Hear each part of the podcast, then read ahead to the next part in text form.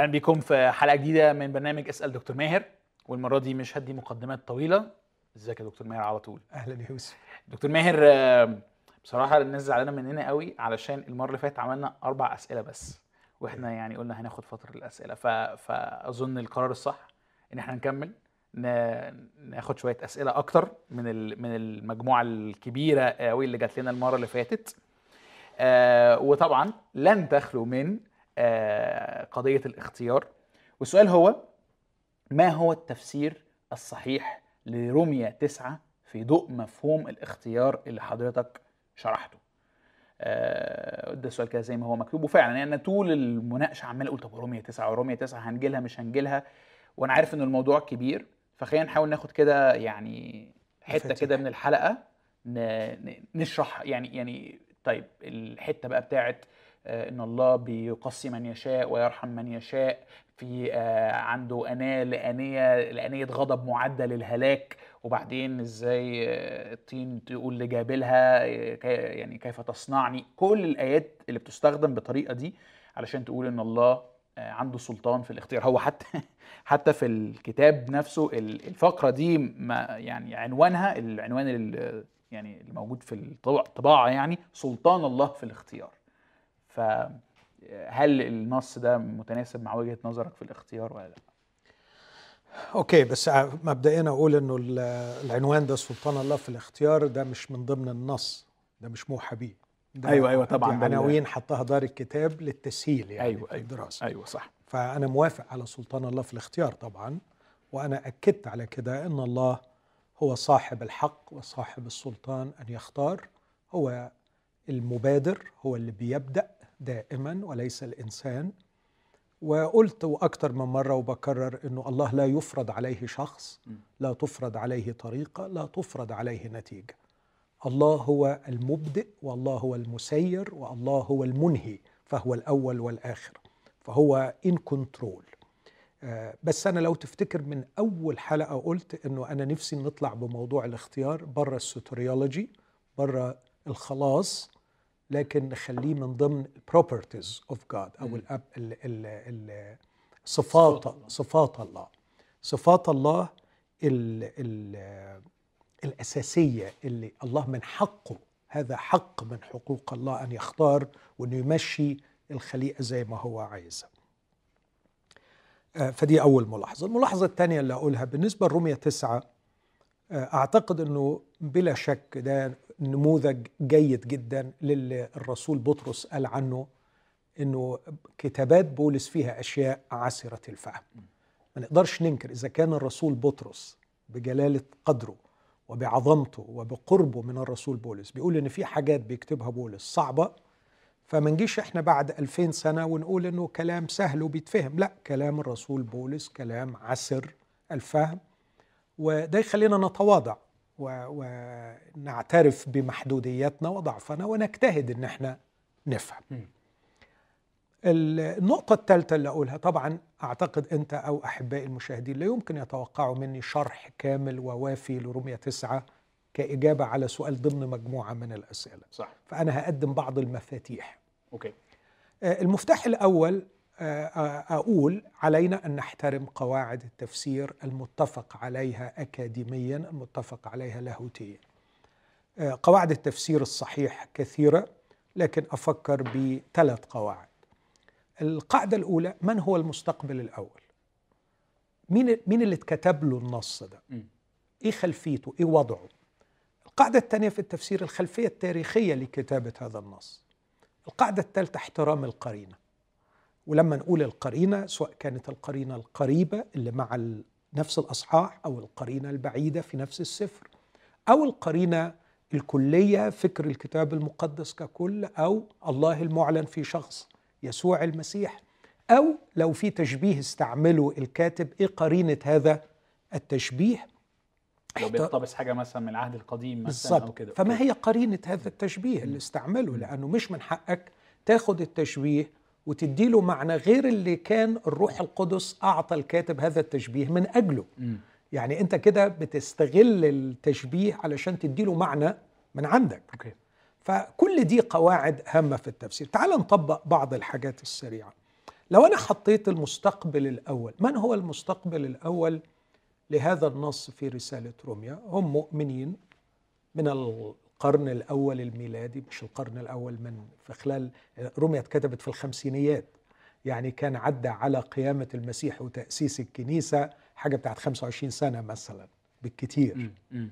فيعني انت كأنك بتتكلم عن كنيسة جديدة نشأت سنة 95 1995 أو 2000 فكنيسة نشأه آه الرسول لم يزورها فكاتب لهم بيشرح لهم الإنجيل وهذا المستقبل الأول اللي بيتشرح له الإنجيل كعادة بقية الكنيسة في ذلك العصر الغالبية بتبقى يهود. فالكنيسة عندما نشأت نشأت في حضن اليهودية. فده سؤال مهم قوي نحطه في ذهننا. من هو المستقبل الأول؟ وده في دراسة أي نص. النقطة الثانية الخلفية التاريخية. خلينا أقول لما ندرس الخلفية التاريخية لكتابة العهد الجديد ولا سيما رسائل العهد الجديد نكتشف إنه كانت هناك قضية شائكة تحير الكنيسة مرهقة للكنيسة. بسببها انعقد أول مجمع كنسي وسجل في سفر الأعمال. ماذا كانت هذه القضية؟ كانت القضية دلوقتي إحنا آه، اليهود دول خلصوا ونالوا الخلاص في المسيح يسوع ودخلوا. وبعدين بصينا إن كمان في أمم جايين. فإحنا في لخبطة. ما هو علاقة الإنجيل والوضع المسيحي الكنسي الجديد بالناموس واليهودية؟ بالذات لأنه كتير من التاريخ اليهودي كان هدفه آه، فصل الأمم عن اليهود فدلوقتي بقوا مع بعض. مع بعض. و- ودي ألقت عليهم بسؤال سخيف كيف يخلص الإنسان؟ okay. بالإيمان ولا بالأعمال؟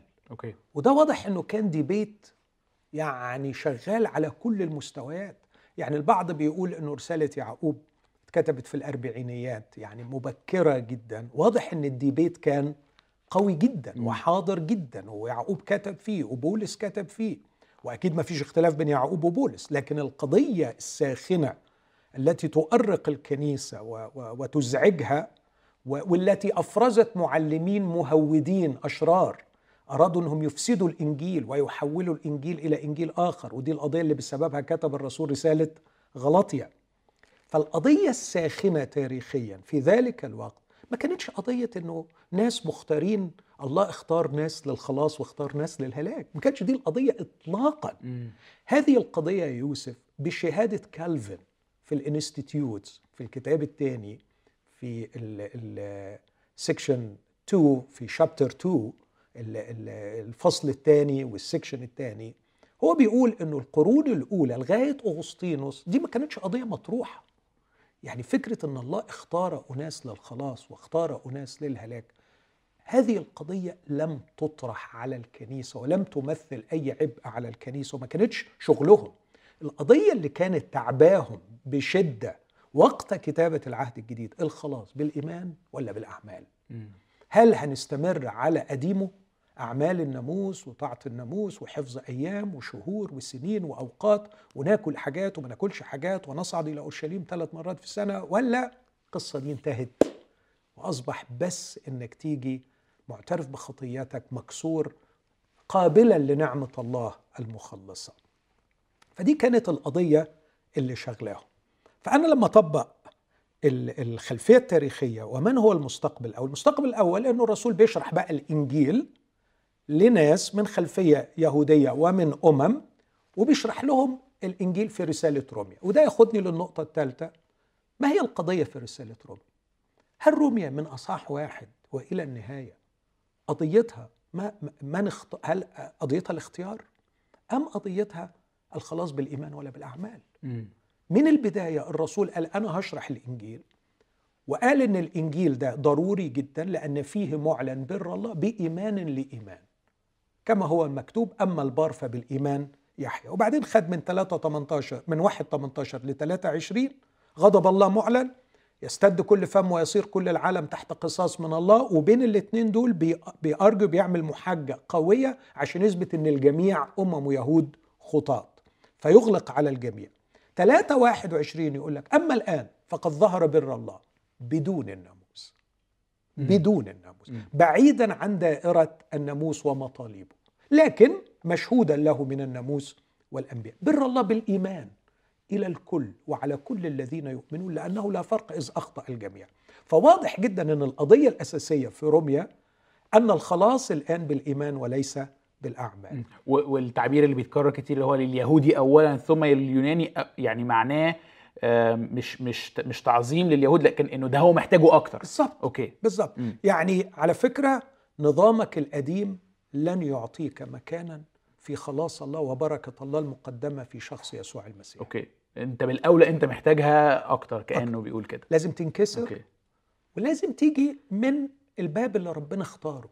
امم الباب اللي ربنا حدد. الله صاحب الاختيار وهو من حقه. يا ابني ما تفرضش على ربنا جين. مش لأن الجين بتاعك يهودي هتخلص لا. وما تفرضش على ربنا طريقة. مش لأنه زمان ربنا قال ال system ده تقتربوا بيه إلي فيبقى هذا ال system مقدس ولا يمكن المساس بيه وغصب عن ربنا آه. هنقت... لا يا حبيبي الله اللي بيختار الله صاحب السلطان. الله من حقه يختار الأمم يرحم من يرحم ويترأف على من يترأف وأنت مالكش الحق تقول له تخلص مين وما تخلصش مين. وأنت مالكش الحق إنك تفرض على ربنا طريقة بيها يخلص الإنسان. الله الذي يختار. هذا هو سلطان الله. وأنت مش من حقك تفرض على ربنا نتيجة في الآخر. يعني طب أنت يعني يعني هتسيبني وأنا إبراهيم ابن إبراهيم أهلك؟ آه تهلك. أنت ما تفرضش عليا علشان. أنت ابن إبراهيم ما تهلكش. الله هو صاحب السلطان وصاحب قراراته وهو الذي يختار فروميا كلها أنا أعتقد أن أي قارئ لروميا وأنا أعتبر نفسي عاشق لرسالة روميا أحبها أي قارئ ليها بإخلاص هيعرف أن القضية الرئيسية أن بولس عمال يقول يا أخوانا الإنجيل الآن بالإيمان وبالنعمة. والناموس صح أربعة ياخد ديبيت كبير بعد ما أعلن أن التبرير بالإيمان ياخد اصحاح أربعة كله علشان يقول الناموس لا يبرر. وإبراهيم تبرر بالإيمان وليس بأعمال الناموس. وبعدين في خمسة يوصف النتائج. وبعدين يبدأ في السته يعمل مقدمة جديدة لروعة الإنجيل إنه مش بس خلاص قضائي لكن خلاص ontological بي- بي- بيحطك في كيان جديد في آدم. الجديد. كلمة ontology بس علشان كذا حد مرة سأل عليها معناها الكيان والطبيعة بتاعتي مش فقط. إنه في حق يعني الحالة القضائية بتاعتي مذنب أو بريء لكن كمان جوه بقى أنا عامل إزاي؟ أنا ممكن أبقى بريء قضائيا لكن لسه عبد ومستعبد آدمي. للخطية آدمي okay. آدمي. The kind of being. علم ال ontology هو العلم الذي يدرس في the kind of being يعني في نوع الكينونة بتاعتك. okay. فالانجيل مش بس بيمحو قضائيا بيحل قضائيا المشكلة بتاعتك بالغفران لكن هناك شيء أعمق إنه بيغير الكيان لأنه بي- بيقطعك من آدم ويحطك بالمسيح فبيبقى عندك كينونة جديدة وهذه الكينونة يحق لها التبرير لأنها كينونة المسيح okay آه ويجي في اصحاح سبعة تاني بولس يدينا اصحاح طويل إنه مش بس الناموس لا يبرر الناموس لا يحرر. فعجز النظام الناموسي عن بركة الإنسان وعن خلاص الإنسان في ال- المقدمة في شخص يسوع المسيح. فواضح جدا أن القضية هي الإيمان ولا الأعمال. لغاية ما وصل للقمة في أصحاح 8 بركات الإنجيل و... و... إيه اللي هتاخده في المسيح؟ إيه بقى النعم الكتيرة والعظيمة اللي فاضت بها محبة الله على الإنسان في المسيح؟ وفجأة يجي في أصحاح تسعة. ونلاقي نغمة الفرح والانتصار والتحدي اللي وصل لها في أصحاح ثمانية من سيفصلنا بيعمل خمس تحديات. من سيشتكي على مختاري الله؟ من هو الذي يدين؟ من سيفصلنا عن محبة المسيح؟ إن كان الله معنا فمن علينا؟ بولس وصل لحالة من النشوة الروحية بسبب إعلانات الله له عن بركات الإنجيل. فجأة يكتئب ويقول يا للهول كل هذا الغنى من البركات. إخواتي أنسبائي حسب الجسد إسرائيل لن يناله. إسرائيل لن ينال البركة رغم إن إسرائيل ده أولى حد بالمسيح. منهم المسيح حسب الجسد. بس إسرائيل مطروح خارجا وتنتظر اللعنة تنتظر الأناثيمة بعيدا عن المسيح. هنا ابتدى بولس يشعر بالوجع الرهيب وابتدى يتناول هذه القضية. لماذا لم يخلص إسرائيل؟ هي دي القضية. لماذا لم يخلص إسرائيل؟ إسرائيل كشعب مش مم. إسرائيل ككل. فبدأ الأصحاح اصحاح تسعة وهنا أبدأ شوية أدخل فأنا حطيت مين المستقبل الأول؟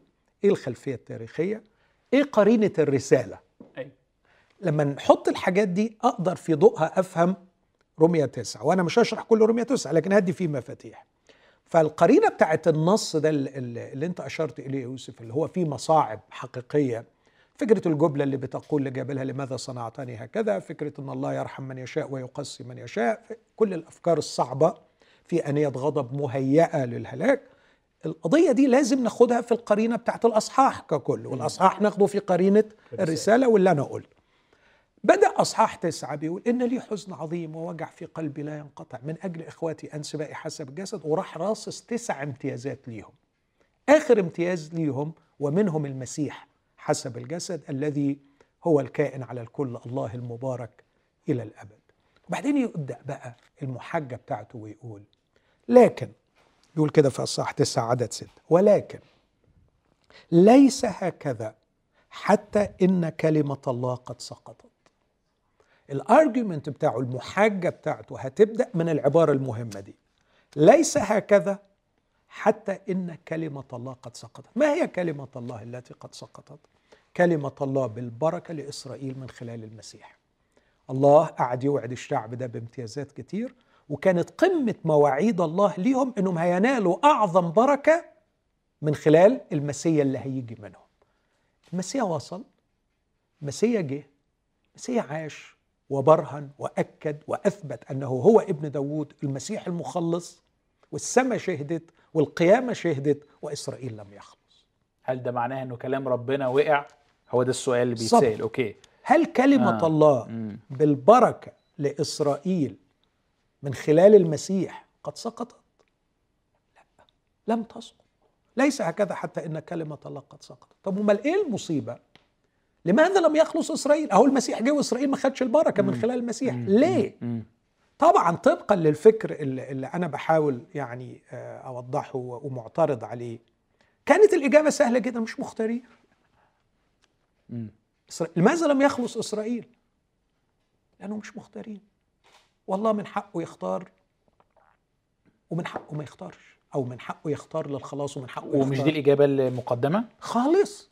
خالص. هنشوف مع بعض دلوقتي. أوكي. لكن عايز أقول تاني إذا كان الطرح الرئيسي اللي بولس بيطرحه واللي عرضه للمحاجه والنقاش والتفكير هو يا جماعة كلمة الله بالبركة من جهة إسرائيل لم من جهة إسرائيل من خلال المسيح. بركة الله لإسرائيل من خلال المسيح لم تسقط. طب السؤال إذا كانت البركة لم تسقط لماذا لم يخلص إسرائيل؟ مم. وليه أنت بتقول أنا حزين؟ اولا لو لو الإجابة هي لم يخلص إسرائيل لأنه غير مختار بولس مش من حقه يحزن. لأنه ده ربنا هو يعمل اللي هو عايزه. هو عايزه. مم. أنت بقى أنت بتقول مش أنت مش أبر من الله يعني بالظبط. تزعل. بالظبط. ليه زعلان؟ أوكي. لكن بولس بيقول أنا حزين لأن هم ما خلصوش وتاني أقول لو كان الله اختارهم مش من حقك يا بولس لأنه المفروض تتوافق مع الله في مشاعره وتتوافق مع الله في سلطانه وتتوافق مع الله في اختياراته لكن بولس بيقول إن كلمة الله لم تسقط وإسرائيل لم يخلص لأن إسرائيل أصر على طريقه للخلاص غير التي اختارها الله okay وريني بقى هوريك آه. الكلام. okay لماذا لم يخلص إسرائيل؟ لأنه إسرائيل مش عايز السكة اللي ربنا حددها. وكأنه إسرائيل يعني عايز يضغط على ربنا بتاريخ 1500 سنة، أيوه وكأنه عايز يضغط على ربنا بأسماء معينة اختارها الله، وكأنه عايز يضغط على ربنا بهيكل ونظام. ممكن عايز يطلع على ربنا ب يعني باللي هو قاله قبل كده ما أنت قلت صح مش هو ده ال- الحجة ولا ولا إيه ال- الحجة إنه الله تكلم بالبركة لإسرائيل من خلال المسيح. أيوه صح ده حصل. بس البركة تاخدوها بالطريقة اللي ربنا عايز. عايزها. آه. مش بتفرضوا على ربنا اللي أنتوا عايزينه. okay. فبولس ابتدى argument صعب. أنا لا أنكر من عدد ستة لغاية عدد 29 ده الارجيومنت بتاع بولس. بيشرح فيه عدم أحقية إسرائيل في أن يفرضوا على الله منهجهم في نوال البركة. تمام. ومن حق ربنا إنه يفرض المنهج اللي هو عايزه واللي هو بيختاره. آه تمام. خليني أعمل حتة هنا شوية مش فلسفية بس منطقية. دي المقدمة بتاعة الأصحاح من عدد واحد لعدد خمسة ووصل لها في عدد ستة ليس هكذا أن كلمة الله قد سقطت. وابتدى يعمل ال argument في أي قضية لما بتعمل أنت paper أكاديمية تكتب paper أنا شخصيا لما أجي أقرأ paper أكاديمية بقرأ ال thesis اللي هو الطرح وأقرأ ال conclusion دول أول حاجتين بقراهم. صح. أقرأ ال thesis علشان أفهم إيه هو هو عايز إيه على في إيه؟ إيه؟ أيوة. و- وخلص بإيه. وبعدين بقرأ ال argument لو أنا لقيت ال argument لو لقيت المحاجة بتاعته متعارضة مع ال thesis أو متعارضة مع ال conclusion يبقى أنا عندي مشكلة في فهم ال argument تمام. وافقني على دي؟ أو أو ال argument ضعيفة. أو ال argument آه، ضعيفة آه، خالص. okay، بس آه. أنا مش هفترض إن بولس بي argue argument ضعيف. okay. بولس أكيد بيعمل محاجة قوية. صح. بس أنا إذا قريت الطرح وفهمته وإذا قريت الخلاصة وفهمتها ولقيت إن الاتنين ماشيين مع بعض بس مش ماشيين خالص مع ال argument يبقى يبقى أنا فاهم حاجة غلط. آه. يبقى أنا فاهم حاجة غلط. فأنا أراجع نفسي في فهم ال argument سير ال argument بتاعه. خصوصا فعلا إذا كان ال argument صعب. okay. تاني بقول ال argument يعني المحاجه أيوة. المحاجة بتاعته المحاجة ال premise الفرضيات اللي بيحطها وهو بيحاج. تعالى أقرأ معاك ال conclusion تعالى أقرأ معاك الخلاصة وبعدين في نور الخلاصة مع المقدمة اللي أنا شرحتها اللي أنا بركز عليها تاني لماذا لم يخلص إسرائيل؟ ليس لأن كلمة الله بالبركه لإسرائيل من جهة المسيح قد سقطت لكن ليه لم يخلص إسرائيل؟ عمل ال argument بتاعه تعال شوف الكونكلوجن وأنت منين ما تلاقي بولس يقول فماذا نقول؟ اعرف إنه هيدي خلاصة. فماذا نقول؟ عدد 30 إن الأمم ادي الخلاصة هي يوسف وركز فيها. إن الأمم الذين لم يسعوا في أثر البر أدركوا البر. البر الذي بالإيمان. ولكن إسرائيل وهو يسعى في أثر ناموس البر لم يدرك ناموس البر. لماذا؟ لماذا؟ ادي الإجابة. لماذا؟ لأنه فعل ذلك ليس بالإيمان بل كأنه بأعمال الناموس. فإنهم اصطدموا بحجر الصدمة كما هو مكتوب ها أنا أضع في صهيون حجر صدمة وصخرة عثرة وكل من يؤمن به لا يخزن. بولس بيصل إلى كونكلوجن لماذا لم يخلص إسرائيل؟ لماذا لم ينل البركة من خلال المسيح؟ لأنه كان يصر أن يأخذ هذا ليس بالإيمان. عدد تلا- 32 لماذا؟ لأنه فعل ذلك ليس بالإيمان بل كأنه بأعمال الناموس. نو ما هواش بأعمال الناموس. يا إسرائيل ما هواش بأعمال الناموس. وما تفرضوش على ربنا هذا. انت ابن إبراهيم على عيني وراسي انت ابن يعقوب على عيني وراسي انت عندك المواعيد على عيني ور... لكن مش هتخلص إلا بالإيمان. عجبك تخلص بالإيمان هتخلص مش عجبك تخلص بالإيمان مش هتخلص حتى ولو كنت أنت من إسرائيل. ليه؟ الله اختار كده. okay. الله اختار كده. okay. لو انت بقى رجعت تف... طبعا لو. لو القصة كلها من عدد ستة لعدد 29 هي إن الله ليه مختارين من الأزل يخلصهم والله ليه مختارين من الأزل يهلكهم أعتقد ده متضاد تماما مع ال conclusion اللي وصل لها صح هي كانها مش بس متضاد هي ملهاش علاقة يعني تحس ال conclusion دي هي conclusion لإيه؟ تعرف يا, جو... يا يوسف أزود لك بقى أصحاح 10 كله كله أصحاح 10 كله وطبعا الناس بتتجاهل أصحاح 10 أيوه. يقفوا في أصحاح تسعة ويتعقدوا وما يفهموهوش فيهملوا أصحاح 10 أصحاح 10 كله عبارة عن مذكرة تفسيرية جميلة للخلاصة دي. يؤكد ويشرح فيها بشكل بديع هذه الخلاصة التي وصل إليها. هقرأ لك بس أول جزء وطبعا أنت عارف تقسيم الأصحاحات ده مش موحى بيه يعني بولس كان بيكتب متصل. صح. فبص يقول إيه كمل. أيها الإخوة ان مسره قلبي وطلبتي إلى الله لأجل إسرائيل. هي للخلاص بولس على فكرة اللي أنت بتعمله ده غلط. خلاص هو ربنا اختارها. هو ربنا اختار. أنت عمال في الأول في أول تسعة تقول حزين وقلبك مكسور وعايز تتلعن بالنيابة عنهم. مش هينفع. اللي ربنا اختاره للعنة هيلعنه يا بولس واللي ربنا اختاره للخلاص هيخلصه يا بولس. ده طبعا حضرتك بتقوله ده يعني كمان يدافع عن عقيدة الاختيار. بالظبط آه يعني كأن- لو لو لو عقيدة الاختيار صحيحة يبقى الكلام اللي بولس بيقوله ده آه كأنه غلط اخلاقيا بيعارض الله يعني. بالظبط. آه okay. أو بلاش يعني خلينا أقول مفكر غير دقيق. مم. عنده طرح وبيستعمل مقدمات غير صحيحة. يعني مش عامل حجة قوية. لا بس يا دكتور برضو ممكن يعني ما هو زي ما كالفين بيقول عليها horrible doctrine بيعلمها لكن بيقول إن أنا مش حاببها يعني. كان يقول لنا كان يقول لنا إلى يعني يعني ما يبقاش اولا كالفن غير بولس بولس ده راجل يعني بيكتب مسوقا من الروح القدس ف- ففكرة الأخطاء عنده غير واردة مم. معصوم وهو مم. يكتب هذا مم. الكلام مم. فأنا اللي عايز أقول المدخل بتاعه في روميا تسعة والمدخل في روميا عشرة البدايتين دول واحدة فيهم بيقول أنا كنت أتمنى أتلعن وهم ما يتلعنوش وأنا أتمنى أن هم يخلصوا وبتضرع إلى الله أن هم يخلصوا. يتعارضوا شوية مع أنه الحجة بتاعته اللي بيعملها في أصح تسعة أنه ربنا اختار من الأزل ناس للخلاص واختار ناس للهلاك. يعني لو هو ده القلب الأصحاح إن الله اختار ناس للخلاص واختار ناس للهلاك يبقى مقدمة تسعة في إنه حزين وعنده وجع و و وإنه يتمنى انه هو يكون محروم وكمان إنه بيتضرع في بداية عشرة ويطلب إلى الله من أجل خلاصهم ال- المقدمتين دول يتعارضوا مع قلب هذا ال- ال- المحاجه قلب هذه المحاجه بس طبعا يعني مش دي الحجة بتاعت حضرتك الأساسية في لا، لا، يعني لا ده خالص. زي point فرعية لا، كده يعني بالظبط. آه. آه. بس أنا عايز أقول لك إنه أنا كمبدأ عام لما بقرأ ال conclusion لما بقرأ خلاصة محاجه المفروض إن الخلاصة متسقة مع سير المحاجة. آه. يعني كاني كاني لأني شفت هذا التناقض ده يديني مؤشر إن أنا يمكن أبقى فاهم ال-. القلب اللي هو بيقوله غلط وأراجعه تاني أراجع وأفكر. فيه مرة بالظبط. كمان. وده اللي أنا ما زلت آه. بعمله. okay. okay. ده اللي أنا ما زلت okay. بعمله. لكن أنا عايز بس أكد لك اللي قاله في نهاية تسعة كخلاصة إنه لماذا؟ مرتين يسأل لماذا؟ لماذا؟ لأنه عايزها بالأعمال. أهو. فماذا نقول؟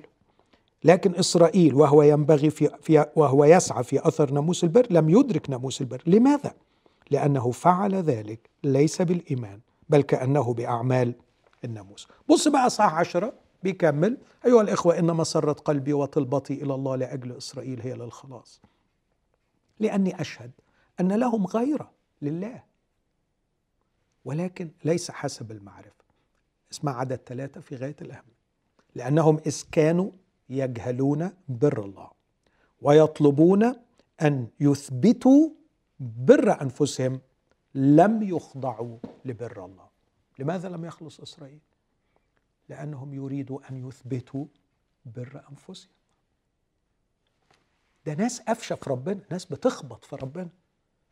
يا جماعة ربنا قرر من الأزل واختار أن الكنيسة أن الخلاص أن نوال التبرير في المسيح سيكون على مبدأ النعمة ليس بالأعمال. وهم يريدوا أن يثبتوا بر أنفسهم. مم. هذا هو السبب هلاكهم. ليس أنهم غير مختارين أوكي. الباب مفتوح لهم على مصراعيه. وده اللي هي هي هيستمر فيه. الباب مفتوح لإسرائيل على إسرائيل اللي رافض. وعشان كده بولس بيصلي وبيطلب إلى الله أن يخلصوا طب ليه لم يخلصوا لأنهم يريدوا أن يثبتوا بر أنفسهم. وبعدين اسمع المحجة ك- كمالة مش المحجة بقى كمالة يعني كأنه بيبرر الخلاصة اللي هو وصل لها من خلال اقتباسات من العهد القديم. كل الاقتباسات اللي هياخدها في بقية عشرة اللي هي بقى أنا بعتبرها مذكرة تفسيرية توضح الخلاصة اللي هو وصل لها كلها مبنية على فكرة أنه القضية بتاعت إسرائيل لم يخلص ليس لأنه غير مختار لكن إسرائيل لم يخلص لأنه يريد أن يثبت بر نفسه ويريدها بالأعمال وليس بالنعمة. الاختيار هو اختيار النعمة. الاختيار هو اختيار النعمة. واللي هيخضع؟ الاختيار النعمة كطريق للخلاص. بالظبط. أوكي. اختيار النعمة أن الله اختار وقرر أن تكون النعمة هي وسيلة الخلاص. انت مش من حقك تفرض على ربنا طريقة جديدة. مع كل الاحترام لتاريخك الماضي ومع كل الاحترام للطريقة اللي انت جايبها. أعمال الناموس ربنا اختار النعمة. واللي هيجي مكسور طالب هذا الخلاص مستندا على نعمة الله واثقا في النعمة مؤمنا بهذا الإله الذي يقدم هذه النعمة هو اللي هيخلص. طبعا أكيد شرحنا ده 100 مرة إنه حتى إنك أنت تيجي وتطلب هذا ليس بالاستقلال عن عمل الله فيه. صح. ده ده لا يقلل من سلطان الله في الصراع مع الإنسان و بالظبط ومبادره مبادرة الخلاص نفسها. بالظبط كده. وما يدينيش أنا أي فضل. صح. اطلاقا. صح. ما يدينيش فضل في إن أنا قلت له خلاص يا رب أنا متشكر إنك عايز تدهاني بالنعمة وأنا فتحت إيديا أخدها بالنعمة. بس عايز أقرأ لك شوية في عشرة. توري لك إحنا لسه كل ده هنرجع لتسعة تاني بقى. هنرجع okay. له آه. ماشي. okay. بص بص في عشرة يقول لك إيه لأن موسى يكتب في البر الذي بالناموس البر الذي بالناموس اللي هو إسرائيل عايز إيه عايز يخلص بيه واخد بالك اللي هو تمام. سبب مصيبتهم تمام بيقول لإن الإنسان الذي يفعلها سيحيا بها عادي البر الذي بالناموس وده اللي إسرائيل عايز يخلص بيه وبولس بيقول هو ده اللي ربنا مش طايقه ومش عايزه وعشان كده مش هتخلصوا فهو بيقول لأن موسى يكتب في في في البر الذي بالناموس أن الانسان فهو كأنه sorry يعني مش موافق على كلام طبعا. موسى. okay. يعني لا مش مش موافق على كلام موسى. هو ده المعنى الخلاص بالناموس الخلاص بالأعمال. بس حاليا الله بيقول إيه؟ في النعمة في الإنجيل بيقول مش اللي يفعلها يحيا بها آه. صح. يعني ما هو ده هنا بقى السؤال هنسأل طب هو الناموس اللي جه عن طريق موسى؟ كان موضوعا من أجل خلاص الإنسان. كان إيه دور بقى الناموس وهكذا؟ ده بقى موضوع تاني موضوع تاني هو بيجاوب عليه وبيشير آه. إليه في حتت أيوه. تاني. يعني هو مثلا قال إن غاية الناموس هي الخلاص. بص كده عدد أربعة لأن غاية الناموس هي المسيح للبر لكل من يؤمن. بص العبارة دي جميلة. آه okay. فكأنه لو لو هشيل لو هشيل عنوان الفقرة دي واوصل عدد أربعة بعدد خمسة هو بيقول كأنه يا جماعة موسى كان بيقول الذي يفعلها سيحيا بها بس في الحقيقة غاية الناموس الحقيقية هي المسيح للبر لكل من يؤمن. بالإيمان لكل من يؤمن. okay. وبص الجمال هنا لأن موسى بيكتب في البر الذي بالناموس إن الذي سيفعلها سيحيا بها. وكانوا بيقولوا وريني شطارتك. فأنت هتقعد وفعلا هو في النهاية ولا واحد قدر يعمله. واستد في كل فم محدش قدر يتمم الناموس. صح. فكأن الناموس معطى لإثبات عجز الإنسان لإظهار فشل الإنسان. فبالتالي يكون بيهيئ الإنسان للمسيح. من إنه يقول له أنا عاجز يا رب و... و... وعايز أخلص شوف لي طريقة. دي بقى اللي غلطي بيقول عليها مؤدبنا للمسيح. بالظبط كده. وهنا بيقول غاية الناموس هي المسيح. للبر لكل من يؤمن. بص الجمال. المسيح. للبر لكل من يؤمن. فما هي وسيلة البر؟ الإيمان. الإيمان بمين؟ المسيح. إنك تيجي للمسيح. فالمسيح البر الإيمان. طب إيه دور الناموس؟ إنه يعجزك. فتشعر بعجزك فتقول له طب شوف لي حل يفتح عينك على المسيح. okay. فدي غاية الناموس. okay. مش إنه يدي لك البر. okay. لأنه الإنسان عنده ثقة في نفسه أنه يستطيع أن يفعلها وينجزها. فالناموس معطى علشان يدي مساحة للإنسان إنه يجرب ويجيب آخره في الموضوع ده ويدرك عجزه وفشله في عدم استطاعته لفعل الح... أو لإقتناء الحياة مثلا. yeah. المأساة مع إسرائيل إنه ما قدروش ينفذوا الناموس و... ونشفوا دماغهم. وراحوا عاملين شوية وصايا معينة ويريدون أن يثبتوا بر أنفسهم. أوكي. شوف إحنا اندمجنا دلوقتي أنا وأنت في القضية الأساسية. فين الاختيار في الكلام اللي إحنا بنقول ان, إن ربنا اختار من الأزل ناس للخلاص وناس للهلاك؟ مفيش القضية دي. مم. القضية دي بس إحنا نطينا الأعداد الأساسية حاضر يعني. حاضر حاضر هجيل بس ما حدش يبقى لأن موسى يكتب في البر الذي بالناموس انت ما الأعداد الرئيسية دي اللي هنجيلها. لابد ده الأرجيومنت اللي أنا بعمله. أيوة لابد أيوة. أن تكون متسقة مع هذا السياق صح صح. وخصوصا مع الخلاص. بص بيقول إيه؟ موسى يكتب في البر الذي بالناموس إن الإنسان الذي يفعلها سيحيا بها وأما البر الذي بالإيمان البر اللي يجي بالإيمان بقى اللي ربنا عايزه اللي ربنا اختاره اللي هو بيخلص فيقول هكذا. فبيجيب له نص من العهد القديم برضه. لا تقل في قلبك من يصعد إلى السماء وهو يفسرها من عنده يعني أي ليحضر المسيح. أو من يهبط إلى الهاوية أي ليصعد المسيح من الاموات لكن ماذا يقول؟ الكلمة قريبة منك وده من تثنية بيقتبس الرسول بولس في فمك وفي قلبك. بعدين هو يشرح من عنده طب استعماله لهذا النص بيستعمله إزاي؟ طبعا مسوقا من الروح القدس. أي كلمة الإيمان التي نكرز بها. لانك إن اعترفت بفمك بالرب يسوع وأمنت بقلبك أن الله اقامه من الأموات خلصت. لأن القلب يؤمن به للبر والفم يعترف به للخلاص. لأن الكتاب يقول كل من يؤمن به لا يخزى. لأنه لا فرق بين اليهود واليوناني. لأن ربا واحدا للجميع غنيا لجميع الذين يدعون به. لأن كل من يدعو باسم الرب يخلص. شايف يا يوسف؟ شايف اتساع النعمة هنا وشايف المحاجة اللي بيعملها بولس إنه الباب مفتوح وإن الله غني لجميع الذين يدعون به وإن كل من يدعو باسم الرب يخلص. لو أنا فاهم صح كأنه هو بيحاول ي... ينقد من يريدون أن يضيقون الباب من خلال طريقا معين. بالظبط. وهو طبعا ألا وهو الناموس. أيوه. آه، أوكي. يعني هو بكل مخه على إسرائيل. يا إسرائيل أنت بت... يعني أنت أنت خابط في حتة سد. أنت كده عمرك ما هتخلص. واستنادك واعتمادك على تراثك وعلى ماضيك وعلى ناموسك وعلى وعلى بر نفسك هيوديك في 60 داهية. أنت رايح للأناثيمة. أنت بتجري برجليك للأناثيمة. ارجع. ارجع للطريقة اللي ربنا اختارها. طب إزاي بقى يعني عايزني أقبل بعد بعد الايدنتيتي الهوية اللي اتبنت على الحصرية؟ نحن نحن نحن. فتحتها كده والاممي داخل وال واللي جاي من هنا داخل والأثيوبي داخل والمصري داخل وال إيه ده إيه ده إيه ده؟ إزاي وسعت كده؟ وإزاي لمت. ولمت. و... وايه ده؟ يعني إيه خلاص بالنعمة ومش بالنعمة؟ فين فين التراث وفين الميراث وفين العرق الإبراهيمي وفين؟ خلاص يا حبيبي راحت عليه. ربنا بيقول كده.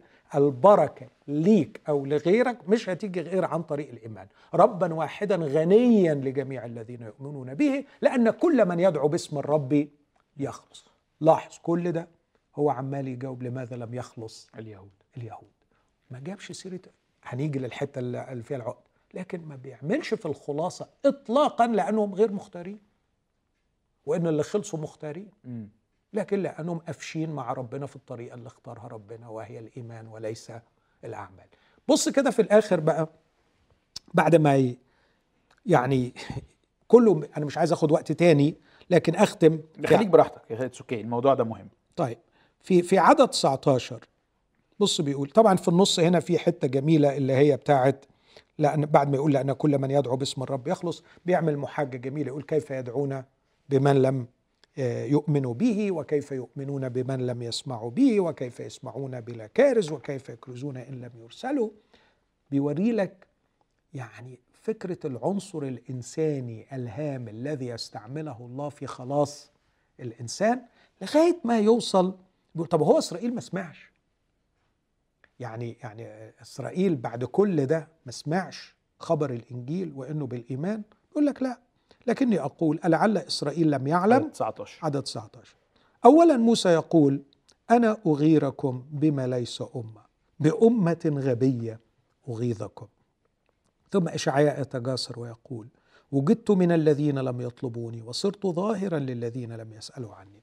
أما من جهة إسرائيل فيقول ودي نهاية اصح 10 واصح 11 هينقل للبعد الإسكاتولوجي أو البعد المستقبلي لإسرائيل. يعني قضية 11 شوية مرتبطة باللي فات لكن بتتجه إلى المستقبل. مش شرح الواقع لكن بتتجه إلى المستقبل. لكن يختم شرح الواقع. عشان كده قلت لك كل أصحاح 10 هو تفسير للكونكلوجن اللي وصل لها في 9 30 ل 33 بص ينزل يخلص في 10 بإيه؟ أما من جهة إسرائيل فيقول طول النهار بسطت يدي إلى شعب معاند ومقاوم. العبارة دي لوحديها فيها يعني كذا مشكلة من جهة الفكر الاختيار اللي هو بالمفهوم إن اختيار الله اختار للهلاك واختار للخلاص. آه، بولس بيوصل لخلاصة وبيقول إنه ربنا بيقول إسرائيل ما عشان طول النهار مددت يدي لشعب معاند ومقاوم على الأقل فيها حاجتين. الحاجة الأولانية النعمة ترد. النعمة ترد. مم. وهي نعمة الله ردت ورفضت مم. واحتقرت. لكن من الناحية الثانية يا رب يعني كيف أقبل على شخصيتك وأنا ك- كما رأيتك متسقا جميلا عظيما في يسوع المسيح؟ إزاي بتعمل التمثيلية دي؟ إزاي إن أنت مختارهم للهلاك ومحددهم بالاسم للهلاك؟ وعينت ده بحيث لا يصد ولا يرد ولا تبديل في قضائك وطول اليوم مادد إيدك ليهم للخلاص. إزاي الاتنين دول يمشوا مع بعض. طول النهار مددت يدي مددت يدي. يعني كأنه بيستجديهم كأنه بيرجوهم إلى شعب معاند ومقاوم. الخلفية التاريخية السياق بتاع القضية في الكنيسة الأولى هي الإيمان والأعمال. رسالة روميا موضوعها الإنجيل أن التبرير بالإيمان وليس بالأعمال. روميا تسعة قضيته أن إسرائيل لم يخلص. لماذا لم يخلص؟ لأنه مصر أن يخلص بالأعمال وليس بالإيمان. في ضوء هذا أبدأ أناقش بقى الحتت الصعبة. صح. آه، اللي, اللي, اللي جايبها. فهقول حاجتين فيها مثلا أو ثلاثة عشان أدي وقت ل- ل- لأسئلة تانية مش حاسس إن يعني يعني لو عايزين يعني عايز أقول إيه ناخد راحتنا في الموضوع ده مفيش مشكلة. طيب. ونعمل أسئلة في وقت تاني. أوكي. يعني مثلا آه، عايز أقول في الأول بحاجه بحاجة جميلة قوي. جاب لهم ثلاث قصص من العهد القديم. جاب تكوين 32 وجاب تكوين 17 وجاب تكوين 27 تكوين 32 تكوين 17 تكوين 27 بالترتيب ده. والثلاثه فيهم معاني جميلة الرسول عايز يقدم بيها لل... لل... ل... في المحاجة بتاعته أو دخل في المحاجة بتاعته علشان يثبت أنه لابد أن تخضعوا لبر الله وكفوا عن محاولة إثبات بر أنفسكم. فالقضية الأولى في 32 ليس جميع الذين من إسرائيل هم إسرائيليون. أنتوا فاكرين يا جماعة أن يعقوب تربس كده مع ربنا؟ وقعد وتحولت حياته إلى صراع مستمر بينه وبين الله. في الآخر مين اللي خضع؟ مين اللي خضع؟ يعقوب. لازم تخضع في الآخر. لم يخضعوا لبر الله. خد بالك لما بي- بيناقش. إمتى يعقوب تحول إلى إسرائيل؟ لما صارع الله. وخضع. أي.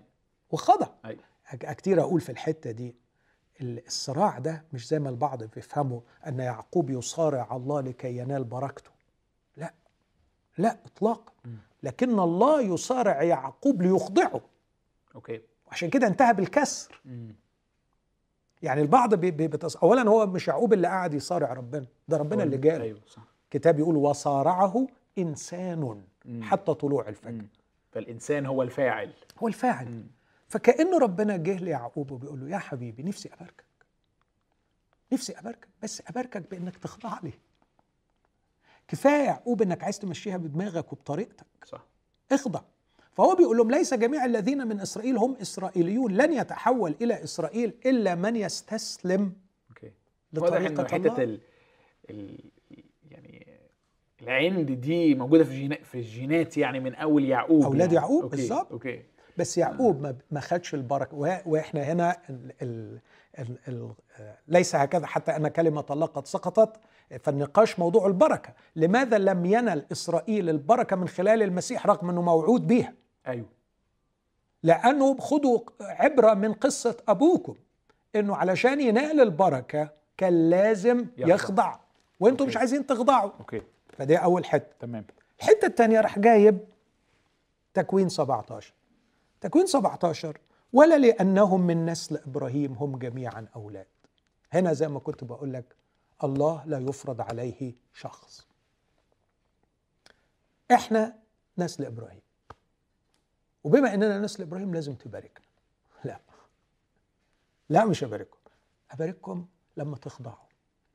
وتيجوا معترفين بخطاياكم وتقبلوا الخلاص على مبدأ النعمة. مش هتفرضوا أنفسكم عليا لمجرد إنكم نسل إبراهيم. وبعدين يقول بل بإسحاق يدعى لك نسل. أي ليس أولاد الجسد هم أولاد الله بل أولاد الموعد يحسبون نسلا لأن كلمة الموعد هي هذه أنا آتي نحو هذا الوقت ويكون لسارة ابن. خد بالك من الحتة دي في منتهى الجمال يا يوسف. لما ربنا ظهر لإبراهيم في تكوين 17 وغير اسمه من أبرام إلى إبراهيم وعد بالبركة هباركك وخليك أب لجمهور من الأمم. عشان كده غير أبرام من أب عالي إلى إبراهيم أب لجمهور كثير. مم. ودي اللي بولس شرحها في غلاطيا إنه معنى الاسم هنا أب لجمهور كثير فدي البركة مم. بركة إبراهيم. لكن كمان في يوميها راح مغير اسم ساراي وقال له خليها سارة. وأنا سأعطيك منها نسلا كثيرا. آه، مش بتاعتك ساراي لكن سارة هتكون بركة لكثيرين وهدي لك منها نسل. يعني في بركة جاية يا إبراهيم من خلال النسل اللي هيجي لك من خلال سارة. فأنت هتبقى أب لجمهور كثير وسارة هتبقى أم لنسل عظيم وده من خلال سارة. فاكر إبراهيم راح قال لربنا إيه ساعتها؟ سقط على وجهه وضحك. وراح قايل لربنا كلمة سخيفة. قال له ليت إسماعيل يعيش أمامك.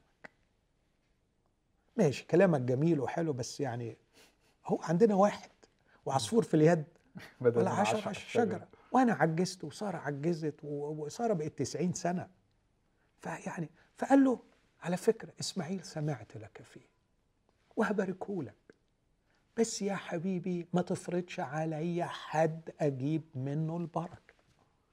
أنا مصر على طريقة معينة وعلى أن البركة تأتي من إسحاق وليس من إسماعيل. فاهم الارجيومنتس اللي بولس بيعملها هنا؟ أيوه. عايز يقول لليهود يا جماعة الموضوع يعتمد على اختيار الله وليس على اختياركم أنتم.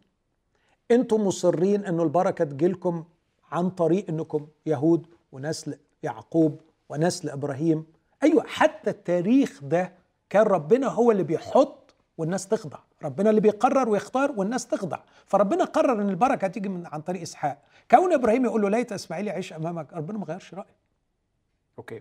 بس برضو أنا لسه بقى مش فاهم إيه موضوع احببت يعقوب وابغضت عيسو في. هذا بقى. حاضر. آه. ما ده الثالث بقى. okay. ده 27 أوكي.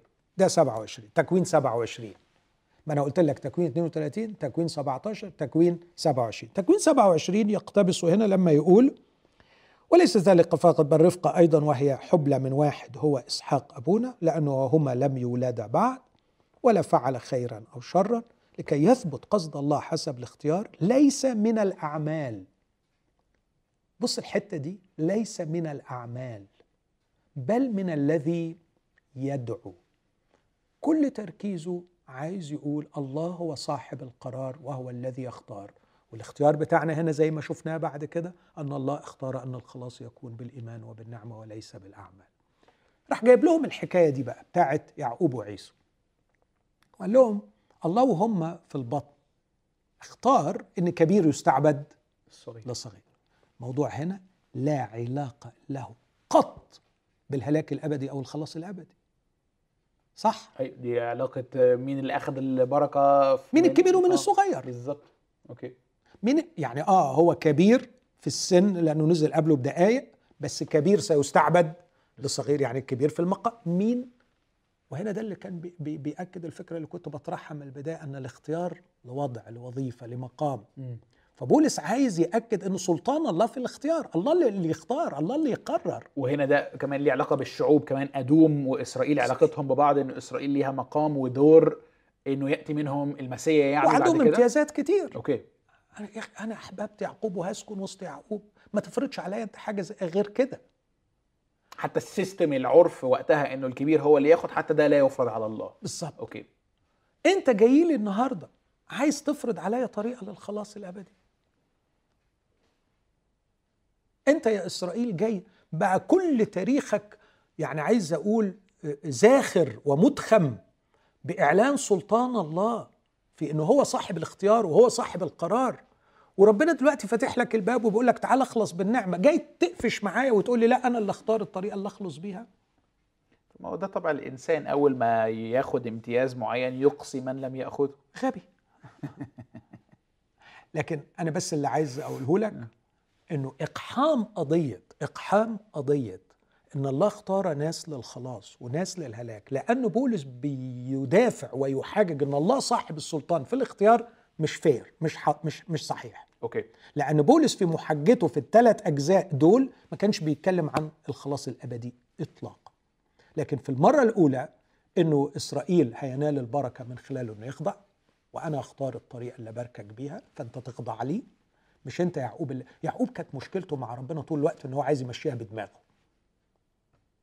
تمام. مش كده؟ وربنا بيقول له لا مش هتمشي بدماغك. مش الموضوع هنا الخلاص الأبدي. الحالة الثانية إنه ربنا هو اللي يختار إسحاق. إسماعيل على عيني وراسي وممكن لو عايز يخلص خلاص أبدي على عيني وراسي يتوب وأنا أخلصه. الموضوع ملوش علاقة بال ملوش علاقة بالخلاص الأبدي. okay. ليه علاقة بمين اللي هيجي منه النسل أيوه طب إبراهيم بيتوسل وبيقول لي ليت إسماعيل معلش عشان خاطري. قال له لا يا حبيبي ما فيش عشان خاطري هنا. هباركهولك.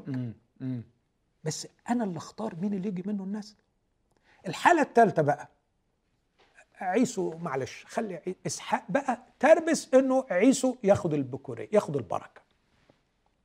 ربنا قال له لا مش هينفع. ولما تقرأ منطوق البركة اللي, اللي إسحاق نطق بيها هو عكس تماما اللي كان ربنا قايله لرفقة. خد بالك هو وهو بيبارك. يعقوب كان فاكر روحه بيبارك مين؟ عيسو. عيسو. فبينطق بكلام عكس تماما اللي ربنا نطق بيه لرفقه رفقه قال لها البركات دي من حق يعقوب. إسحاق عايز يعكس. يعكس. وعشان كده ارتعد ارتعاد عظيم. لما عرف إنه كان هيغلط الغلطة المرة دي انه إنه يلخبط نظام ربنا. في حين بقى خد بالك من النقطة دي حساسة شوية. وده إسرائيل فهمه إن بولس وهو بيجيب لهم حكاية اسماعيل حكاية آه، إسحاق ويعقوب الحقيقة الوضع الأخلاقي لعيسو في الموقف ده أفضل من يعقوب. بالظبط. بس ده ما خلاش ربنا يغير كلامه. ده سلطان الله في الاختيار. بس سلطان الله في الاختيار هنا هل له أدنى علاقة بنجاة الإنسان من الهلاك؟ هل القضية في عيسو ويعقوب كانت قضية مين هيهلك ومين هيروح السماء؟ okay. okay. لا يعني أنا فهمت. لا ملهاش علاقة. خالص. وما ينفعش أطلع إنه يعقوب وعيسو دول بيرمزوا إلى مختارين- مختار- مختارين أو غير مختارين مختارين. للخلاص وغير مختارين للخلاص ما ينفعش. okay. كده أنت بوظت القرينة بتاعتها. ارجع للقرينة ما كانتش القضية اطلاقا. عبرانيين ما كانتش القضية اطلاقا خلاص من الهلاك أو آه وصول للهلاك. لا. لما كاتب العبرانيين أشار إلى عيسو كهالك ما جابش سيرة الاختيار. لكن بالعكس إن هو إن هو احتقر أوكي. لا يكن أحد فيكم مستبيحا أو زانيا كعيسو. الذي احتقر البكورية من أجل أكله. لماذا هلك عيسو؟ لأجل قرار إرادي غبي. بالظبط هو اختار مم. أن يهلك. مم. هو احتقر البكوريه واليوم لماذا لم يخلص إسرائيل؟ ليس لأنه غير مختار. لأنه يحتقر يسوع المسيح. ازدرى بروح النعمة وداس ابن الله وحسب دم العهد الذي قدس به دنسا أوكي. فالثلاث مواقف دول اللي جابهم جابهم الرسول بولس علشان يحاج ويبني عمود صلب قوي يصد قدام اليهود أن الله صاحب السلطان في الاختيار وأن الله هو الذي يقرر وهو الذي يختار الطريقة التي بها يخلص. وأنت يا إسرائيل جاي النهارده متربس مع ربنا ومصر إنك تخلص بأعمال الناموس وربنا بيقول مستحيل إنك تخلص بأعمال الناموس. بعد كده نكمل بقى. أيوه. يجي الجزء الأصعب شوية. مم. فماذا نقول؟ ألعل عند الله ظلما. الظلم هنا لمين؟ ظلم لإسرائيل. ليه يا رب أنت تسيبهم يخلصوا آه يهلكوا؟ أنا مادد يدي بس هم متربسين. بس برضه كأنه بسبب شفقته على شعبه لعل عند الله ظلم حاشا. لأنه يقول لموسى إني أرحم من أرحم وأتراءف على من أتراءف. حتة أرحم من أرحم وأتراءف على من أتراءف بيرد بيها على رفض اليهود إنها للأمم. آه okay okay. يعني أنت ما تقوليش آه، أبسط نعمتي لمين؟ okay. كأنه اليهود عايزين آه، حصرية. لا لينا إحنا بس إحنا كده. وشايفين ربنا كأنه بيساوم أو بيوسع الدايرة زيادة وبيعاتبوه. فهو يقول له أنت مالكش دعوة أنا أوسع رحمتي لمن أشاء. بالظبط. okay. ولا سيما خد بالك الناس دول اللي جم احترموا المبدأ اللي أنا حطيته اللي أنت مش عايز تحترمه اللي هو الخلاص بالإيمان وليس بالأعمال. okay. وهل دي نقدر نربطها بالمثل بتاع المزارعين في الحقل اللي هو ما ظلمتك؟ بالظبط. okay. آه. أوكي. أنا من حقي أحط الطريقة اللي بيها أدخل ناس بيتي. أنت مش من حقك تفرض عليا. تمام. إسرائيل منزعج بشدة ورافض لأنه ربنا راح حط مبدأ يفتح بيه الباب للأمم. صح. ويساويهم بيهم. ويساويهم بيها بقى كل التاريخ والتراث بتاعنا يتشطب عليه كده. وأنا أتساوى بالاممي ده غير المختون؟ لو لو هقارنها بنموذج حديث لما نسمع عن اللي بيسموهم آه، تائبين فراش الموت والناس تقول يعني أنا أعيش طول حياتي آه، بطيع وبضحي وكده ويجي واحد يسرقها في الآخر فين العدل في ده؟ هل دي نفس الطريقة؟ يعني إلى؟ حد ما. أوكي. آه بس الاثنين هنا خلصوا بالنعمة. لكن هنا إسرائيل رافض من أصله إنه الشخص ده يخلص لأنه بخلاصه معناه ان ربنا رفض الطريقة اللي هم عايزينها. صح. وعشان كده كانوا بيجاهدوا في إيه على فكرة؟ عشان بص حتى المؤمنين منهم عشان تشوف كم التأثير الثقافي. بعد ما الأمم دول آمنوا ودخلوا بالنعمة قالوا لهم بصوا تعالوا بقى يعني خلينا نتكلم كده. بقى وكده آه، ونظبطكم تظبيطات خفيفة علشان تبقوا تمام. المنظر يعني يعني مش معقول نستغنى عن كل ده يعني. أيوة، أيوة. فيعني عارف بيعمل كده عشان يبلع إخواته. هو مش قادر يبلع إن الأغلف بقي ليه نصيب في مجد يسوع المسيح. مش قادر يقبل دي. فعلشان يضحك على روحه الإسرائيلي اللي آمن ومش قادر يتخلص من التاثير الثقافي اللي عليه يقول لك نهودهم. وده اللي كان بولس واقف لهم زي الأسد فيه. okay. لكن طبعا ده أنا بتكلم عن اليهود المؤمنين اللي زي بطرس. يا حرام بطرس ده عانى معاناه شديده عشان آه. يقبل الأمم. لكن التانيين بقى اللي رقبتهم صلبة. بقى رافضين خالص. خالص. okay. إحنا مش بس مش عايزين الامم ولا عايزين الخلاص ده خالص. الخلاص ده ما آه، يلزمناش. okay okay. فلو هيدخل فيه كده كأنه ما ما ما يعني إيه، سقط في نظري. الخلاص طريقه الله سقطت في نظري. ملهاش أي لازمة. okay. فهو بيقول لهم يا جماعة ربنا قال لموسى إني أرحم من أرحم وأتراءف على من أتراءف. ولما ترجع بقى للقرينة بتاعت النص ده تكتشف إنها قرينة نعمة بشكل غير محدود. في اليوم ده كان إسرائيل عبد العجل. وربنا قال خلاص خلصت. وهنا ده ده جزء ضخم ويعني عايز أقول بارادايم شيفت لأنه لما تشوف تثنية 32 الرب قسم الشعوب لأبناء الله اللي هم الملائكة. الملائكة. بس قال أما يعقوب فهو نصيب الرب هو قسمتي ميراثي. فالرب اختار إسرائيل ليكونوا ميراثه يمشي معاهم ويعيش معاهم ويسكن بينهم ويبقوا دول شعبه. ده اللي بيسموه اللاهوتيين Deuteronomic Deuteronomy worldview يعني نظرة سفر التثنية للشعوب ولإسرائيل.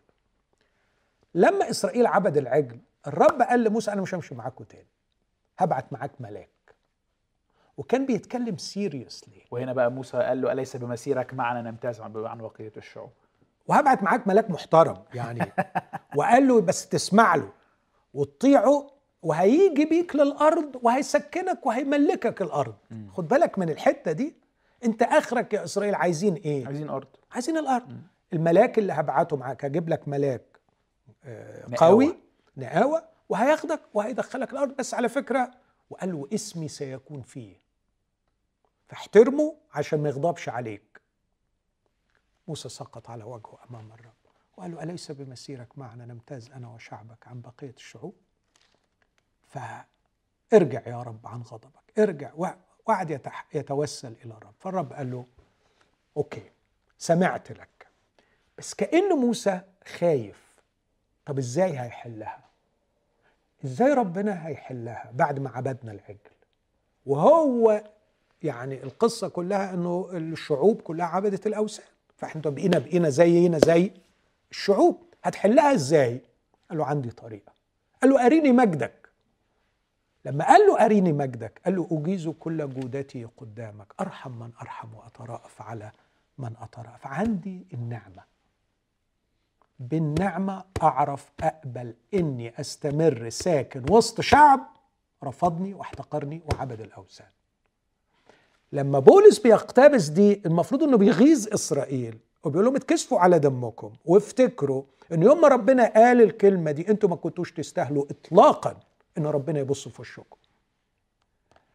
فإزاي جاي دلوقتي وليك عين تقول آه لربنا تخلص مين وما تخلصش مين؟ بالظبط كده. إني أرحم من أرحم وأتراءف على من أتراءف. دي دي تس آه خروج 32 و33 قصة جميلة اللي ورد فيها. عشان كده بقول لك نرجع للقرينة بتاعة الجزء ده. إني أرحم من أرحم وأتراءف على من اتراءف فإذا ليس لمن يشاء ولا لمن يسعى بل لله الذي يرحم. بص النص ده يتم عوجه ولويه ليس لمن يشاء ولا لمن يسعى بل الله الذي يرحم. بولس يقصد إسرائيل أنت بتشاء وأنت بتسعى ومصر إنك تاخدها عن طريق أعمال الناموس. لكن بيقول له مش هتيجي كده. ليس لمن يشاء أو يسعى في هذا الطريق.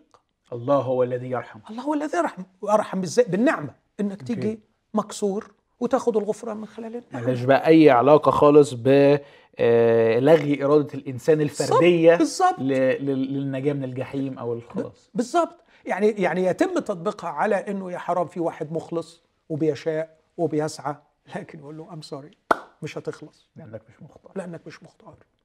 في حين إن بولس بيحطها زي مرزبة على رأسهم ليس لمن يشاء ولا لمن يسعى بل الله الذي يرحم. يا إسرائيل هتقعد تشاء وهتقعد تسعى مليون سنة من خلال الناموس ومن خلال الجنس والعرق مش هتخلص. الخلاص لله الذي يرحم. وأنتوا تاريخكم الأسود بيقول إنكم في يوم من الأيام عبدتوا الوثن وكنتوا تستاهلوا الإبادة والرب تكلم بإبادتكم لكن موسى لما توسل الله رحمكم على أساس النعمة. أرحم من أرحم واترأف على من اترأف طيب علشان نفسي نلحق نخلصها قبل ما الحلقة تخلص. كمل. لأنه يقول الكتاب بص يعني شوف الجمال هنا علشان بس فهم ليس لمن يشاء ولا لمن يسعى. ده بيتكلم عن إسرائيل. اللي بيشاء ويسعى أن ينال البركة عن طريق الناموس وعن طريق أعمال الناموس. تمام. فيروح جايب مثال يشبه إسرائيل هنا في الحالة دي بمين؟ بفرعون. بفرعون. ودي بقى يعني كأنها لطشة. بالظبط. ده أنتوا بقيتوا كده زي اللي أنتوا كنتوا بتلعنوه في اليوم ده. أنتوا بقيتوا زي فرعون. لأنه يقول الكتاب لفرعون إني لهذا بعينه أقمتك لكي أظهر فيك قوتي ولكي ينادى باسمي في كل الأرض. افهم النص ده يا يوسف أرجوك. في ضوء اللي أنا لسه كنت بقوله. إسرائيل مصر مصر مصر على أنه ينال البركة من خلال أعمال الناموس. والرب بيقول ليس لمن يشاء ولا لمن يسعى. مش هتاخدها هتاخدها عن طريق الرحمة. تيجي مكسور بخطاياك معترف وأرحمك. أنتوا كده يا إسرائيل في إصراركم فكرتوني بأكتر واحد أصر وأكتر واحد تربس وأكتر واحد عاند. فكرتوني بفرعون. بفرعون. ومصيركم هيبقى زي مصير فرعون. إن الله هيظهر فيكم قوته. دي إيه بقى؟ هشرحها لك. بس عايزك تاخد الروح اللي بولس بيتكلم بيها هنا. إنه يقول الكتاب إني لهذا بعينه أقمتك لكي أظهر فيك قوتي ولكي ينادى باسمي في كل الأرض. التطبيق هو أن إسرائيل الرافض إسرائيل المعاند ربنا مش هيخضع له. ربنا مش هيخضع له. زي ما ما خضعش لفرعون في يوم ليه أنا عايز بس أقف قدامها تاني؟ إسرائيل في عناده ومقاومته وإصراره على أنه ينال عن طريق ال- أعمال الناموس ربنا مش هيقدر ربنا مش هيقدر وهنفضل راس لراس وهتفضلوا معاندين معاه وأنا اللي في الآخر هكسب. مش هخضع لكم. فهنا بقي إسرائيل هو اللي اللي اللي, اللي بيشار إليه بفرعون. النص ده بيتاخد على إنه لهذا بعينه اقمتك انه ربنا من الأزل اختار ناس للهلاك يبين فيهم قوته. حاشا. حرام. حرام إنك تاخد دي في النص ده. أوكي. هنا يتكلم عن إسرائيل الرافض والمعاند. بيقول له لا أظهر فيك قوة ولكي ينادى باسمي في كل الأرض. اذا هو يرحم من يشاء ويقسي من يشاء. كلمة يقسي من يشاء بالظبط زي ما حصل فرعون معاند معاند اطلق شعبي. لا اطلق شعبي. لا اطلق شعبي. في الآخر ربنا عمل إيه؟ سابه. سابه لقساوته دي اللي هي يعني كأنه يسلمهم لشهواتهم بنفس المفهوم. رومية واحد. أوكي. وهشرحها لك أكتر يقسي من يشاء. لكن عايز أقول في الآخر ربنا حدد طريقة. اللي هيجي هيترحم. طب واللي هي واللي هي واللي هيعصلج واللي هيتربس. هسيبه. يتربس. يتربس. أوكي. وسأظهر في قوتي وهأبين غضبي. لا بس برضو من يشاء دي يعني كأن الله هو اللي بيخليهم لا. لا. هنا من يشاء تاخدها في إطار لأنه بيرحم من يشاء. تاخدها في إطار إنه مشيئة مين اللي هتمشي في الآخر؟ مش مشيئة اللي اترحم ولا مشيئة اللي اتقسى مشيئة الله اللي حدد طريقه معينة اللي هيجي منها يترحم واللي مش هيجي منها هيتقسى وهيتسارع وممكن نقول okay وممكن نقول إنه هو كان عارف باختياره للطريقة دي إنه في ناس مش هتقبلها. absolute okay. أكيد. بس هو السؤال لما في ناس يعني بتتقسى ورافضة وربنا يقعد يتعامل معاها وهم متربسين على إنهم يخلصوا بالطريقة دي مش ربنا يكبر قلبه ويغير مشيئته؟ خلاص بقى يعني يعمل باب للخلاص بالإيمان وكمان باب صغير للخلاص بأعمال الناموس. لا يا حبيبي. لا هو اللي بيحدد ومشيئته هي اللي هتمشي. بس باصت إيده للآخر. طبعا أوكي. طبعا. وعلى فكرة مع فرعون فضل معاه للآخر. صح. حتة بقى يقسي من يشاء. يقسي من يشاء. أنا عارف إنها صعبة. لكن فكر معايا فيها. ملهاش غير حل من اتنين. حل من اتنين. الحل الأول إن ربنا بيمد إيده في كيان إنسان روحي الكيان الروحي للإنسان ويعمل عملية معجزية فوق طبيعية يخليه قاسي عشان ما يقبلش وما يخلصش ويهلك. هذا الإله إله شرير. لو أنا قبلت هذا الافتراض هل أنا مبالغ في الكلمة دي؟ يعني لا أنت مش مبالغ. هقولها لك تاني. يقسي. يعني شخص قلبه لين وجميل وعايز يخلص بس ربنا راح مادد إيده في كيانه وعمل شيء سري غامض معجزي خلاه يتحول إلى شخص قاسي علشان ما يطلبش الخلاص وما يخلصش. إيه الفرق بين الله والشيطان هنا؟ معرفش تعرفش؟ مفيش فرق؟ لا. يعني مفيش فرق. يعني زي آه، بعض. مفيش آه. زي بعض. لكن يقسم من يشاء افهمها بالطريقة بتاعة القرينة اللي حصل مع فرعون. هل كان الله بيعمل تمثيلية مع فرعون؟ ولما يقول له اطلق شعبي. وهنا المسألة برضه تاني مش الخلاص الأبدي أو الهلاك الأبدي. طب معلش هرجع حتة صغيرة sorry. أحاول أقول حاجة. ممكن حد يقول إنه الله مش بيعمل آه، مش بي مش بيزرع رغبة لم تكن موجودة من الأساس في داخل هذا الشخص. لكنه رغبة شريرة هنا. أيوه آه. يعني الرغبة الشريرة already موجودة. آه بس الله كأنه إيه؟ بيحتم إنه الإنسان ده سي... سيخضع لتلك الرغبة الشريرة. عارف اللي هو بيقولوها في ال... في ال... في ال... في ال... يعني الكتابات الكالفينيه إن الله يحتم أن الإنسان آه سيفعل ما يبتغيه بالحق. فإذا كان ما يبتغيه بالحق هو أن يقسي قلبه ضد خلاص الله فالله كأنه إيه؟ بيأكد إنه ده هيحصل. يعني مش موافق على بيأكد. أنا شايف أنه يقسي من يشاء أنه ربنا في النهاية أعطى الرحمة لمن أتى من هذا الباب وترك للقساوة ترك للقساوة من شاء هو لأنه ما غيرش سكته. okay. يعني لو عايز لو عايز أجيب لك مثال. أنا قلت لابني هدي لك بركة معينة بالطريقة بتاعتي. لو ابني أصر إنه ما يجيش بالطريقة دي فأنا حرمته. حرمته من أشاء بسبب اختياري للطريقة التي حددتها للبركة. okay. واضحة؟ make sense طيب. تعالى كمان في حتة يقسي من يشاء. اولا إحنا قدامنا ربع ساعة. آه، فعايز اتاكد إن إحنا هنوصل لآنية حاضر. آنية غضب معدة للهلاك. الحتة دي مهمة بالنسبة لي. ما هي دي مرتبطة بفرعون. أنا بس عايز اكد إن فرعون هنا القضية ليست اطلاقا قضية نجاة من الهلاك أو خلاص. ما كانتش القضية كده. هل الطرح في خروج 15 ملهاش أي علاقة انه إنه كان في كارزين رايحين لفرعون بيقولوا له اقبل المسيح مخلص يغفر. مخلص. فالقضية ملهاش دعوة بكده خالص.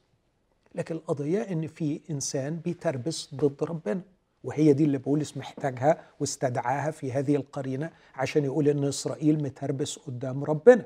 بس عايز يقول لهم من تاريخكم يا إسرائيل؟ اللي هيتربص قدام ربنا ربنا هيسيبه لقساوته وإحنا عارفين إن فرعون قص قلبه قص قلبه قص قلبه كذا مرة وبعدين ربنا قص قلب فرعون.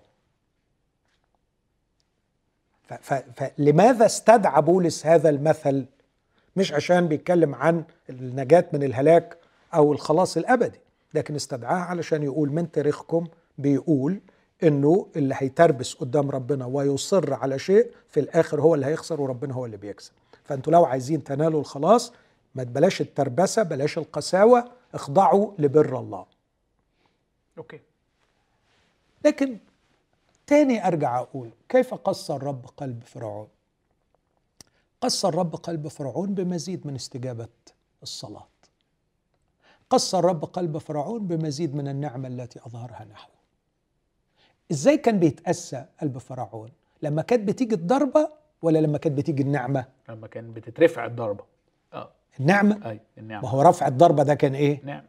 نعمة. صح. عمال يصرخ ويقول له طب خلاص اطلبوا من الرب إنه يرفع عني. فيقول لك فلما رأى إنه مثلا الجراد انتهى ولا لما رأى مش عارف إيه قص فرعون قلب قلبه. عشان كده في تشبيه جميل يقول لك الشمس التي تذيب الجليد هي التي تجفف الطين. فالشمس إشراقة نعمة الله على ناس ممكن تدوب قلبهم والإشراقة دي نفسها الشخص المعاند والمتربس ممكن هي دي اللي تخليه يزداد في قساوته ويزداد في طبعا شره. خطورة التشبيه ده إنه مين اللي عمله جليد ومين اللي عمله طين من الأصل. هو اللي عامل روحه. okay. هو مش, اللي- مش الله يعني هو حاشا. اللي عامله كده. okay. تمام. اللي بعده. لأنه يقول لفرعون لأني لهذا بعينه أقمتك لكي أظهر فيك قوتي ولكي ينادى باسمي في كل الأرض. يعني سبتك سبتك سبتك وأصريت على موقفي وده هيحقق لي مجد في النهاية. أنه ينادى باسمي في كل الأرض. هينادى باسمه إيه؟ إزاي؟ فإذا هو يرحم من يشاء ويقسي من يشاء فستقول لي لماذا يلوم بعد؟ لأن من يقاوم مشيئته. بل من أنت أيها الإنسان الذي تجاوب الله؟ ألعل الجبلة تقول لجابلها لماذا صنعتني هكذا؟ أم ليس للخزاف سلطان على الطين؟ أن يصنع من كتلة واحدة إناء للكرامة؟ وآخر للهوان. فماذا إن كان الله وهو يريد أن يظهر غضبه ويبين قوته احتمل بأنات كثيرة آنية غضب مهيئة للهلاك ولكي يبين غنى مجده على آنية رحمة قد سبق فأعدها للمجد التي أيضا دعانا نحن إياه ليس من اليهود فقط بل من الأمم أيضا كما يقول في هوشع أيضا سأدعو الذي ليس شعبي شعبي والتي ليست محبوبة محبوبة. ويكون في الموضع الذي قيل لهم فيه لستم شعبي أنه هناك يدعون أبناء الله الحي. وإشعياء يصرخ من جهة إسرائيل وإن كان عدد بني إسرائيل كرمل البحر فالبقية ستخلص لأنه متمم أمر وقاضي بالبر لأن الرب يصنع أمرا مقضيا به على الأرض. وكما سبق إشعياء فقال لولا أن رب الجنود أبقى لنا نسلا لصرنا مثل سدوم وشابهنا عمورة. فماذا نقول؟ إن الأمم الذين لم يسعوا في أثر البر أدركوا البر إلى آخر الخلاصة اللي إحنا وقفنا قدامها عارف يا دكتور لما بقرأ معاك من أول عدد 27 من أول ما بيتكلم على آه آسف من ستة. 25 مم. لما يتكلم عن هوشع واشعيا وكده بسهولة قوي عرفت أركبها على حضرتك بتقوله. اللي هو إيه بيتكلم بقى عن مين اللي شعبي ومين اللي مش شعبي وهو بيدعو ناس ما كانوش شعبه قبل كده خلاهم لكن الآيات بقى من آه 19 للحتة دي لا أنا يعني محتاج مساعدة جامدة فيها لأنه إيه حاضر. أنا بص شايف إيه لماذا يلوم بعض؟ يعني إيه فتلوم الناس إزاي؟ لأنه من يق... أو حد بيسأل يعني إن هو إيه طب يبقى ربنا هيعمل اللي هو عايزه يبقى تلومني إزاي؟ ما هو ربنا بقى. ربنا عمل اللي عايزه. إنه الخلاص عن طريق النعمة والإيمان. okay. وبعدين الناس دي معترضة ليه؟ لأنها عايزة تخلص بطريقتها وصعبان عليها إن ربنا مش محترم الطريقة بتاعتهم. still برضو مش فاهم السؤال. يعني لحد دلوقتي بيعترض على ربنا هو هو أنا بيقول- له إيه؟ أنا معليش مسؤولية.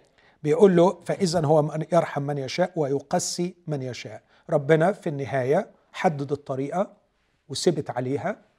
إن جاز لي أقول و- و- مش عايز يعني مش هيساوم. فيها. مش هيساوم فيها. هي دي الطريقة للخلاص. هيترمي جزء من هنا هيتقسى ويروح وجزء من هنا هيقبل ويرحم. فالجزء اللي من هنا ده اللي تقسى مش عاجبه وبيعترض وبيقول انت انت ليه بتلومني وانت اللي متربس على الطريقة دي؟ آه أوكي أوكي تمام. طب يعني عايز إيه يعني؟ عايز ربنا يغير طريقته. فبيقول له بقى انت مين علشان تقول لربنا يغير طريقته؟ هنا بقى يوسف راح جاب له من العهد القديم. برضه تشبيه إسرائيل عارفه كويس قوي وأقدر أقول واحدة من التشبيهات التي كانت ولم تزل مبعث للرجاء مبعث لل... لل... للأمل. آه لما بيكون صادر قضاء بيقول له إنه ربنا مستعد إنه يغير القضاء ده. ربنا حدد طريقه إذا خضعت هيباركك. الله مش هيرجع عن طريقته. لكن في نفس الوقت الله اللي مصر على طريقته مستعد إنه يباركك بشرط إن أنت اللي تخضع لطريقة ربنا. فجاب لهم مثل من إرميا 18 ومثل إرميا 18 اللي هو مثل الخزاف زي بالظبط السياق بتاع خروج 32 و 33 قصة سقوط إسرائيل هو قصة نعمة. فبيقول له أما أستطيع أن أصنع بكم كهذا الفخار يا بيت إسرائيل؟ يقول الرب هو ذا كالطين بيد الفخاري هكذا أنتم بيدي يا بيت إسرائيل. تاره أتكلم على أمة وعلى مملكة بالقلع والهدم والإهلاك فترجع تلك الأمة التي تكلمت عليها ترجع عن شرها فأندم عن الشر الذي قصدت أن أصنع بها. وتارة أتكلم على أمة وعلى مملكة بالبناء والغرس فتفعل الشر في عيني فلا تسمع لصوتي فأندم على الخير الذي قلت إني أحسن إليها به. فبيجيب له مثل الفخاري وبيقول له آه صحيح الله مصر إصرار لا مساومة في أن تكون النعمة والإيمان هي طريق الخلاص. لكن يا إسرائيل ما زال عندك فرصة. إذا رجعت عن شرك إذا رجعت عن إصرارك عن هذه ال- الطريقة اللي أنت عايز تخلص بيها الله مستعد أنه يخلصك. لكن لو أصريت إصرارك يهيئك للهلاك. إصرارك يهيئك للهلاك. آه في أمل إنك ما تهلكش بس طول ما أنت في حالة الإصرار أنت مهيئ للهلاك. وأنا هحتمل الشر بتاعك وهحتمل مقاومتك للإنجيل وهحتمل العداوة اللي بتظهروها نحو الكنيسة. هحتمل. هحتمل بأنات كثيرة آنية غضب مهيئة للهلاك. ليس لأني أنا هيأتها للهلاك حاشا لله لكنها آنية غضب تهيئ نفسها للهلاك من خلال إصرارها على الطريقة التي تريد أن تنجو بها من الهلاك. طب سوري يا دكتور معلش أنت دلوقتي بتقول إنه التهيئة للهلاك دي مش من صنع الله حاشا رغم إنه التشبيه هو نفسه بيقول يعني ال- الخزاف ليه سلطان على الطين يصنع من كتلة واحدة إناء للكرامة وإناء للهوان. وبعدين بيقول في عدد 23 إنه يك- يبين غنى مجده على آنية رحمة قد سبق فأعدها للمجد. ف يعني واضح إن الله هو الفاعل هنا. الله صاحب السلطان. أوكي. الله صاحب السلطان. التشبيه بتاع الخزاف ناخد منه إن الله صاحب السلطان. ليس من حق الجبلة أن تفرض على جابلها الطريقة التي يصنع بها.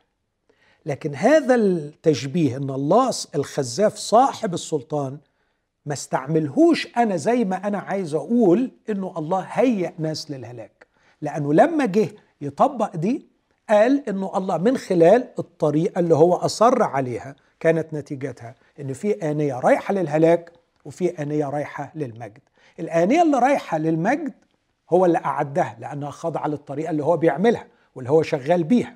الآنية اللي رايحة للهلاك ما بيقولش إن الله هيئها للهلاك لكن بيقول مهيئة للهلاك لأنها أصرت على الطريقة المهلكة له هم مصرين أنهم ينجوا من الهلاك من خلال أعمال الناموس. هذه الطريقة هي التي تهيئهم للهلاك. يعني بما أنه في طريق مختار فمن يرفض هذا الطريق هو يعني يهيئ للهلاك بس بسبب رفضه بسبب مش رفضه بسبب بس. فعل الله إنه اللي خضع بقى بيدخل في ال process اللي خضع لطريقة آه عشان كده بقى ده بقى فعل الله إنه يعدها بقى لأن. هو يعني كأنه حط إيده تحت الله أو تحت هذا الخزاف اللي بقى يصنع منه وعاء جديد بالظبط كده. أو إناء جديد. okay. فال- فالنقطة ال- النقطتين الجوهريتين هنا يوسف في التشبيه ده.